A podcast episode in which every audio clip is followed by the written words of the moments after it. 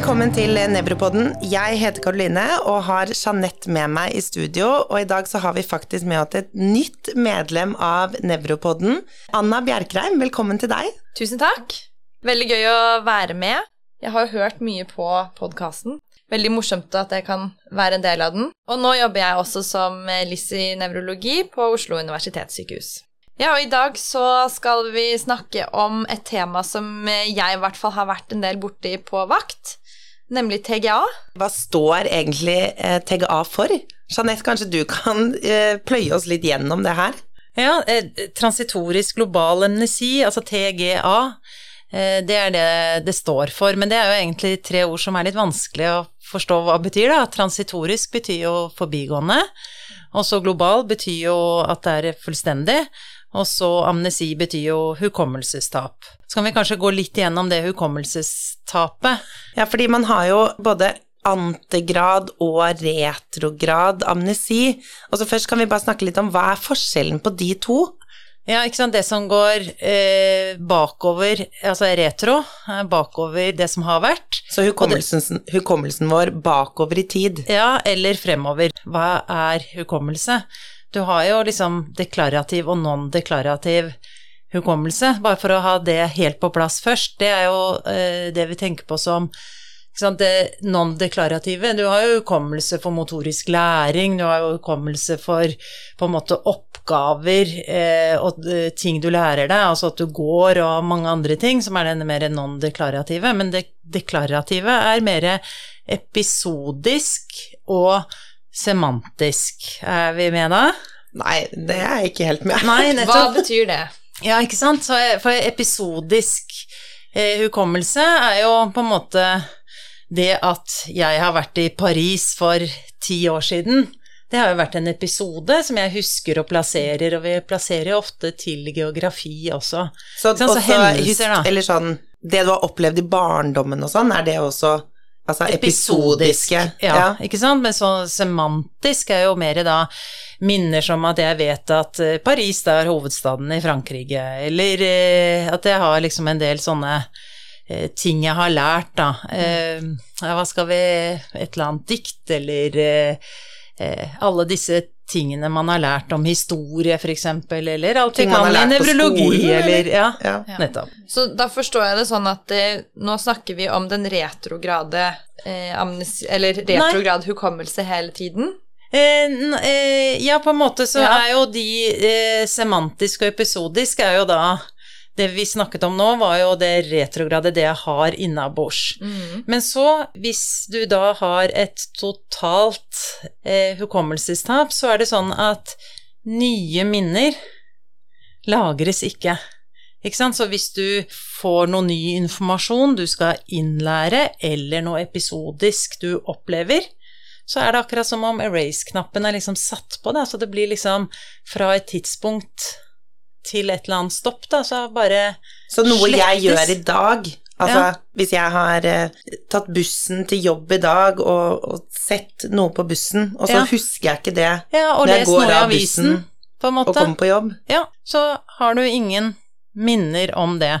Sånn at de som har en TGA, altså transitorisk global amnesi, har en sånn erase-knapp på hele tiden, sånn at minnene bare etter 30 sekunder bare slettes, og den går på hele tiden. Og da blir den jo på en måte Den er antegrad, altså, men samtidig så blir den jo litt bakover også, da. Mm. For etter hvert som tiden har gått litt, så er den jo bakover også i tid. Men sånn definisjonsmessig så sier vi ofte at den er transitorisk anterograd, alt som kommer ja, for den er jo ikke bakover eh, på en måte måneder og år i tid. Nei, ikke sant. Så du har jo da en pasient som kommer, det har jo sikkert du opplevd, da, det, som kommer eh, til deg, som er egentlig ganske ryddig, forteller hvem de er, hva barna heter, kanskje om en nyhetshendelse for en måned siden, kan de huske, men skjønner liksom ikke hvorfor. Hvorfor sitter jeg her? Hva har skjedd?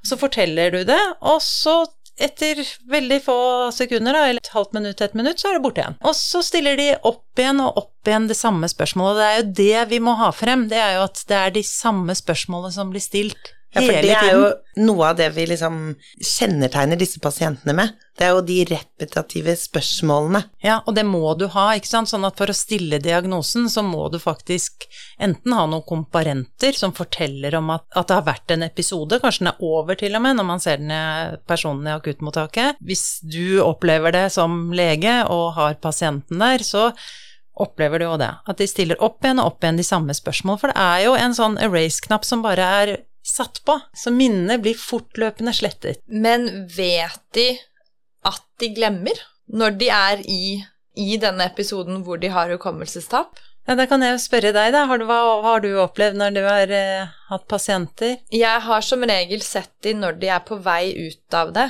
Ja. Eh, fordi det Min erfaring er at det, når de kommer til sykehuset, har det Eller de jeg har sett, da, har det, da er de på vei ut av hukommelsestapet. Mm. Så jeg har ikke sett en som er midt Nei. i det, på det mest dramatiske. Nei, og det si jeg har sånn. opplevd, i hvert fall de jeg har sett, det er at de, de er først og fremst veldig forvirret. De skjønner ikke hva som foregår, og de skjønner på en måte at hukommelsen er dårlig, men er ikke, de klarer ikke å sette det helt sammen, for de har blitt det forklart, og så har de glemt det igjen. Ja, Så de bare tenker at det er noe som er veldig alvorlig galt med hjernen sin, at den, hva er det som foregår?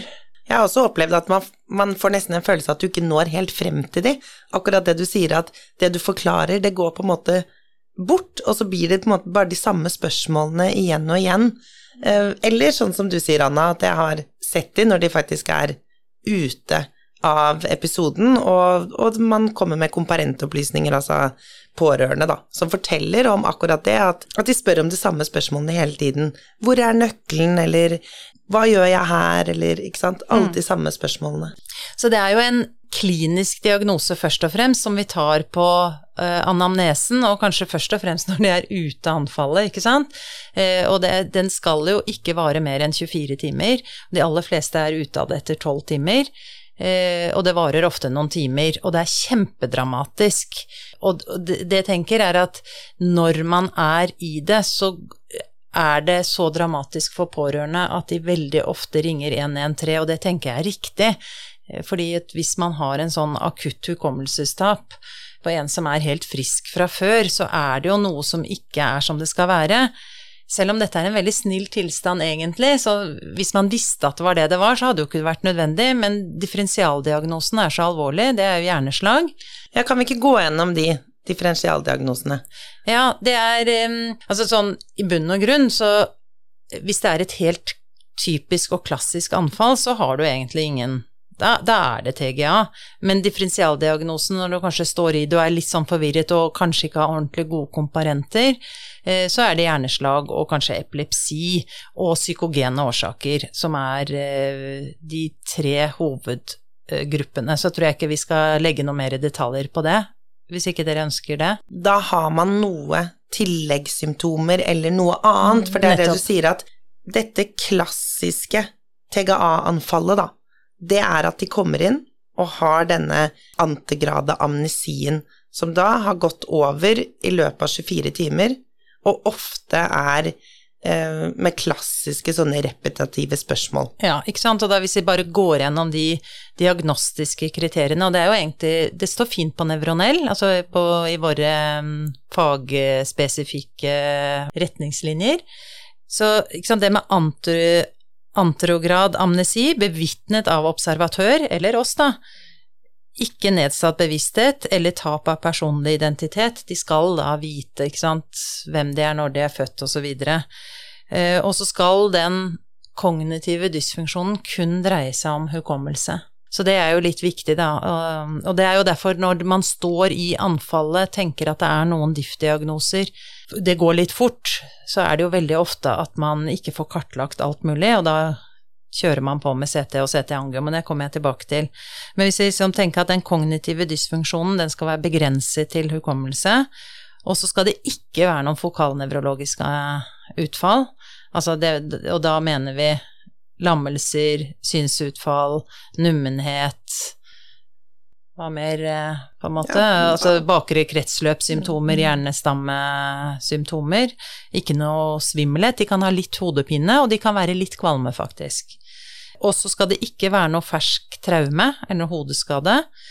og så skal symptomene forsvinne innen 24 timer. Hvis du ikke tilfredsstiller de kriteriene, så er det en atypisk TGA, og da skal vi gjøre mer utredning. Men som sagt, i anfallet, når du står der i akuttmottaket og akkurat har tre minutter til å vurdere, så er det jo ikke alltid at man klarer å gjøre alt perfekt. Eh, så da tenker jeg at da har vi jo ofte lav terskel for å kjøre CT og CT-angio, med tanke på nettopp eh, infarkter da i hippocampusområdet. Så det er det man ser etter, infarkter i hippocampusområdet. Ja, og kanskje Vi har jo snakket litt om talamus også, som, eh, hvor infarkten i talamus kan gi litt rare symptomer, men de gir ofte redusert bevissthet og litt andre ting. Men likevel, det er kanskje ikke alltid så lett i en sånn rask setting å klare å sortere ut alt, sånn at eh, spesielt de områdene, da. Hvis ikke dere kommer på noe annet? Nei. Nei, jeg tenker at det er de aller viktigste områdene. Og så legger vi jo til observasjon, og hvis man da er helt ute av anfall og ikke har noe annet, så trenger man ikke noe mer utredning. Men hvis det da har vært litt atypisk, vært litt lenge, kanskje fjerde anfallet, eller at det har vært noen sensoriske symptomer eller forbigående lammelser, så kjører vi jo videre med videre utredning. Det tenker jeg, jeg, er viktig. Jeg har et spørsmål. Ja. Eh, hvor kort kan det være før man tenker at det er atypisk? Ikke sant, hvor kort jeg tror, jeg tror, de sier fra 2 til 24 timer, men da tror jeg man må sjekke liksom disse kriteriene. Eh, for i Nevronell så står det mm, egentlig opp til 24 timer, men jeg tror ikke de har satt noen nedre grense. Men jeg mener å ha lest et sted at det er eh, 2 til 24 timer, og de aller fleste slutter på 12. Ja. De fleste innen 2 til 12 timer, hos nesten alle innen 24 timer, men også at kortvarige TGA-episoder under én time ikke er uvanlig. Ja, så du kan også ha det, da. Ja, ja, og så er det jo sånn at de aller fleste er over 50 år.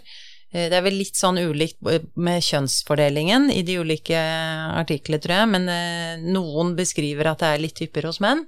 Eh, men jeg tror det har vært artikler som har vist det motsatte også. Så jeg tror ikke man skal liksom tenke det.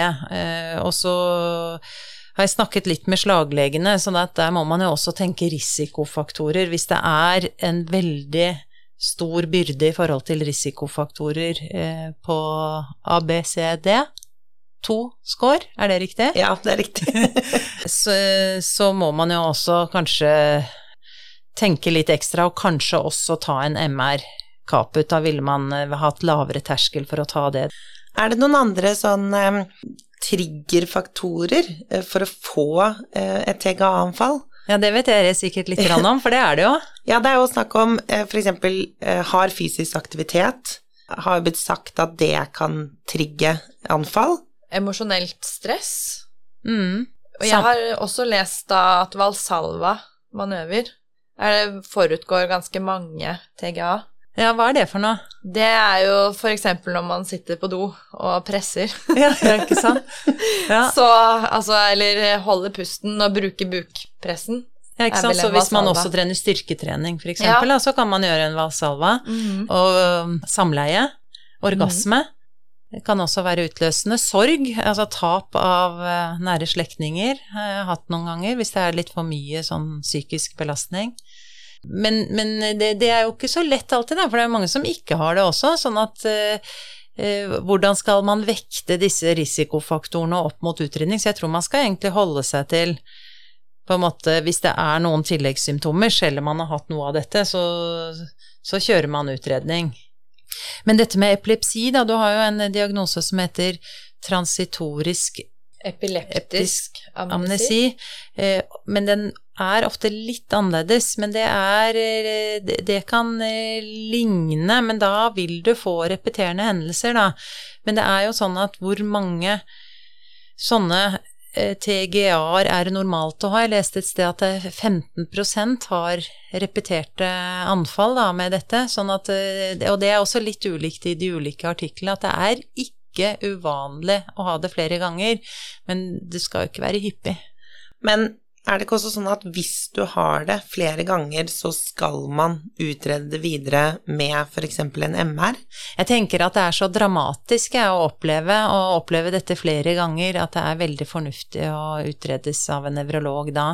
Så, og at man også gjør EEG, da, med mistanke om en litt sånn sær undertype av epilepsi. Men, kan vi gå litt inn på hva som eh, For det, det snakket vi jo ikke om. Nå snakket vi om CT og CT-angio i akuttfasen. Men de andre eventuelle undersøkelsene som man gjør etterpå, med noe Hvis man er i tvil om det er TGA eller noe annet. Da har vi MR, som vi var inne på. MR og OD, ja. Ja. Mm. Eh, og der er det vel sånn at man kan se en sånn liten sånn punktformet endring etter noen eh, døgn, er det vel, i, i eh, hippocampus eller temporallappen. Og så er det eventuelt EG, da. Men som sagt, hvis du har et helt klassisk tilfelle av TGA, så behøver du ikke få den bekreftelsen på MR eller GEG. Det er ikke nødvendig, det. Nei. For da kommer mitt spørsmål at må alle disse pasientene inn på sykehus, eller inn og vurderes av en nevrolog i akuttmottaket, eller hvis det er et helt klassisk anfall, eh, og episoden har gått over, eh, kan disse da bare komme på legevakt, for eksempel? Ja, det tenker jeg er helt greit. Det står jo veldig fint, som sagt, i retningslinjer, og det er gode oversiktartikler, og vi har ikke noe grunn til at vi må observere de noe lenger på sykehuset eller kjøre utredning. For dette, det er vel litt sånn tilbake, hvorfor får man dette? Der er det jo litt ulike teorier, eh, litt både på venesiden og arteriesiden, men eh, og også i forhold til det å ha migrene, som også kan være en sånn risikofaktor. Men jeg tror, ikke, jeg tror vi må si at årsaken til dette er ukjent, og det er ikke noe større risiko for å få noe vaskulært etter en sånn hendelse. Så vi har ikke noe behandling, og vi gir ikke noe forebyggende behandling eller noe. Sånn at eh, er hendelsen over og den er helt klassisk, så trenger ikke vi å se det. Men det er dramatisk for de som opplever det, så de trenger god informasjon. Og så er det jo en, det er jo en klinisk diagnose. Det er det. Og så finnes det jo, det finnes jo ganske, i hvert fall jeg pleier å gi sånn pasientinformasjon som ligger på Nevronell, da. Ja, jeg syns også at den er veldig fin, så det står ikke så mye der, men det er jo et rart ord, TGA.